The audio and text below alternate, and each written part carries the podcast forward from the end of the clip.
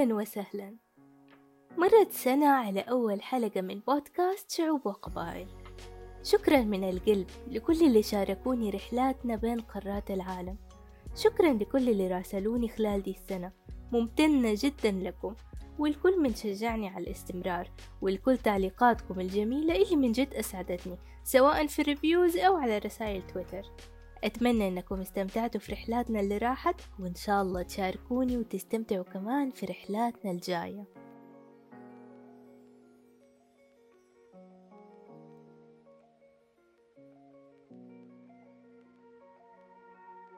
في مقولة تقول There is no greater education than travel. يعني لا يوجد تعليم أعظم من السفر. في شعوب وقبائل حنلففك ونعرفك العالم وإنت في مكانك.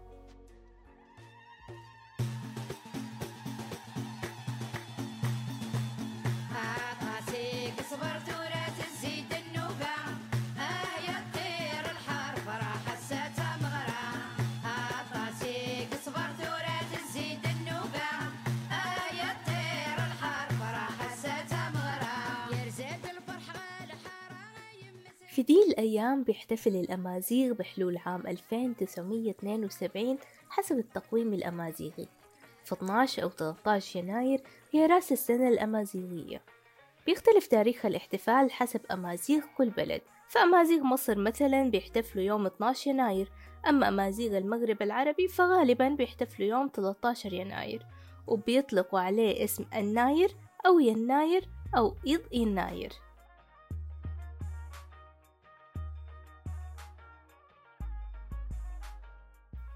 الأمازيغ أو البربر.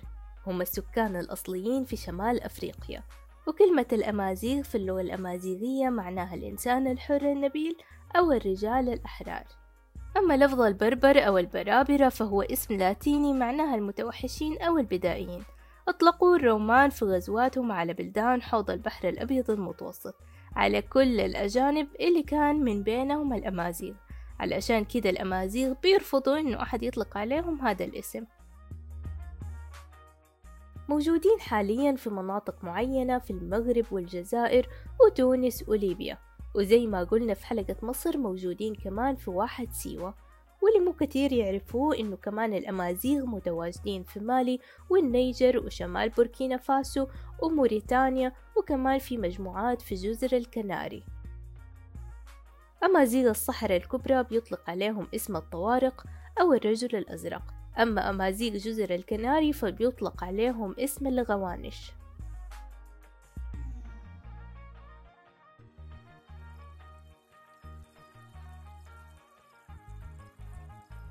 قديما كانوا بيعبدوا الشمس والقمر وبعدها تأثروا بالديانات المصرية القديمة فكانوا بيعبدوا الإله أمون.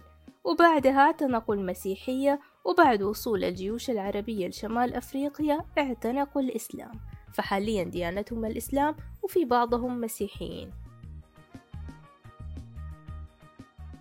اللغة الأمازيغية المعروفة بتمازيغت هي لغة قديمة من اللغات الأفرو آسيوية وهي مرتبطة باللغتين المصرية الهيروغليفية والأثيوبية القديمة. وزيها زي أي لغة فهي بتتألف من أكثر من لهجة مختلفة. نطقها بيختلف من بلد لبلد ولكن قواعدها ومفرداتها متشابهة. اعتمدوها في المغرب لغة رسمية بجانب اللغة العربية سنة 2011 أما في الجزائر تم اعتمادها من اللغات الرسمية في عام 2016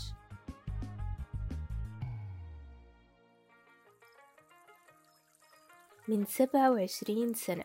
وتحديدا عام 1995 ميلادي تم تأسيس الكونغرس العالمي الأمازيغي وهو منظمة غير حكومية بتضم جمعيات ثقافية واجتماعية أمازيغية. هدفها الدفاع عن حقوق الأمازيغ سواء السياسية أو الاقتصادية والاجتماعية وكمان الثقافية والإنسانية والحفاظ على التراث واللغة الأمازيغية. وفي 30 أغسطس 1996 اعتمد الكونغرس الأمازيغي علم يجمعهم ويوحد ثقافتهم ويرمز لأرضهم اللي بيطلقوا عليها تمازغة. وهي المنطقة اللي بيطلقوا عليها العرب حاليا المغرب العربي وشمال أفريقيا. وبتكون ممتدة من واحد سيوة في مصر إلى جزر الكناري في المحيط الأطلسي ومن البحر الأبيض المتوسط إلى أعماق الصحراء الكبرى.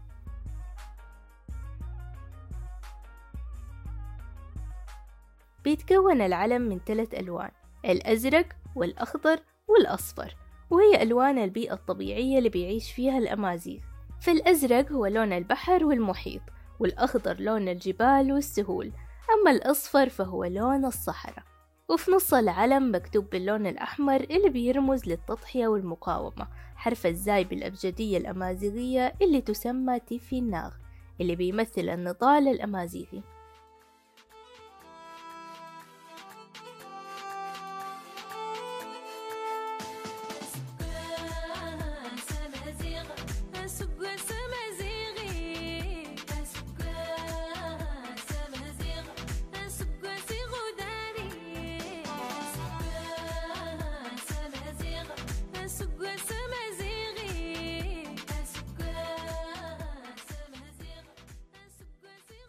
يعتبر التقويم الأمازيغي ثاني أقدم تقويم في العالم بعد التقويم العبري فهو قبل التقويم الميلادي بتسعمية وخمسين سنة.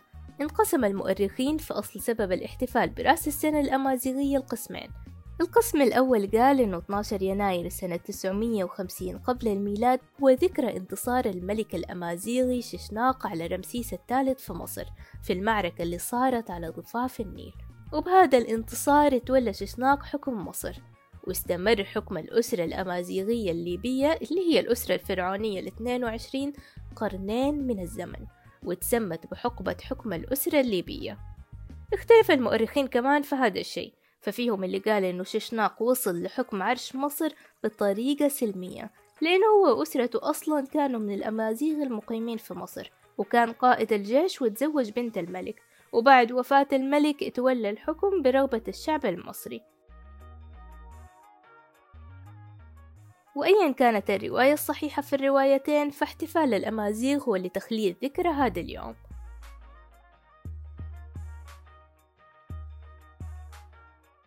أما القسم الثاني من المؤرخين قالوا أنه تقويم فلاحي بيرتبط بالأرض والزراعة فبيرمز لاحتفالات الأمازيغ ببداية الموسم الزراعي والفلاحي الجديد. علشان كده بيطلقوا على السنة الأمازيغية الفلاحية. فبيكون احتفال يناير بشرة خير وسعادة وأمل في محصول زراعي وافر في السنة الجديدة. عموما أيا كان سبب الاحتفال فالأمازيغ بيتفائلوا وبيعتقدوا أنه الاحتفال بهذا اليوم حيجيب لهم الخير والسعادة والنجاح.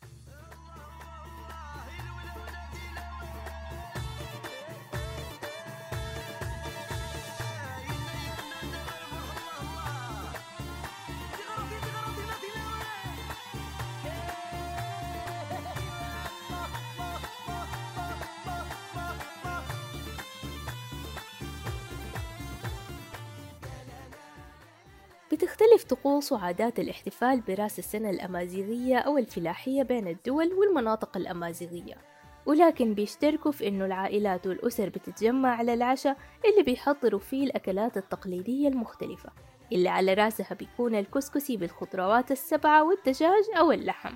وكل ما تنوعت الأطباق والأصناف كل ما كانت السنة سنة خير ورزق.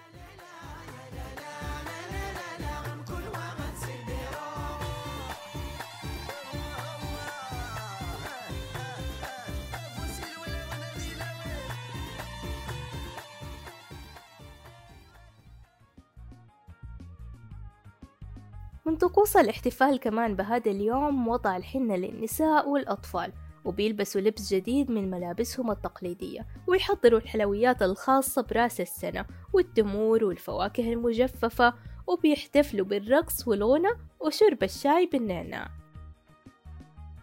وكمان بيتم تنظيم أنشطة ثقافية وندوات يتكلموا فيها عن تاريخ الأمازيغ ويتناقشوا في مشاكلهم وأمور الفلاحة. وكمان بيحتفلوا احتفالات تبرز ثقافتهم وعاداتهم اللي لها أكثر من ثلاثة آلاف سنة واللي متمسكين فيها وبيورثوها لأطفالهم علشان يضمنوا استمرارها وانتقالها من جيل إلى جيل. وفي هذا اليوم بيلعبوا لعبة أغرمي فبيخفوا نواة تمر أو زيتون داخل العصيدة قبل تقديمها على العشاء. واللي تطلع له حيكون صاحب الحظ السعيد في السنة الجديدة.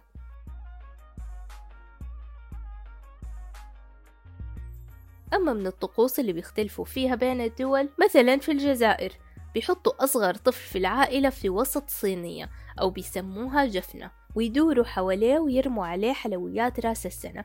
اعتقادا منهم إنه هذا الشيء حيزيد من رزق الطفل. أو كرمز يعني إنه الأباء بيسلموا ثقافتهم وتقاليدهم لأبنائهم.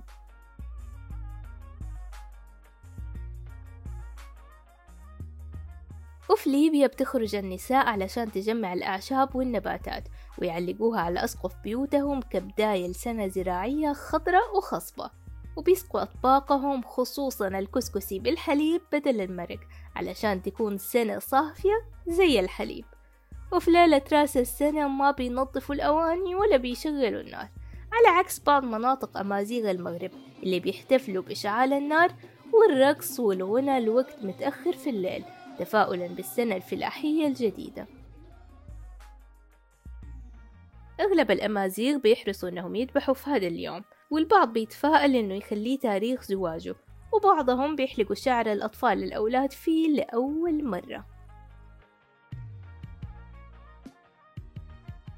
تم إعلان رأس السنة الأمازيغية عطلة رسمية في الجزائر سنة 2018 ولكن إلى الآن بيطالب أمازيغ المغرب وتونس وليبيا الاعتراف بيناير عطلة وطنية رسمية.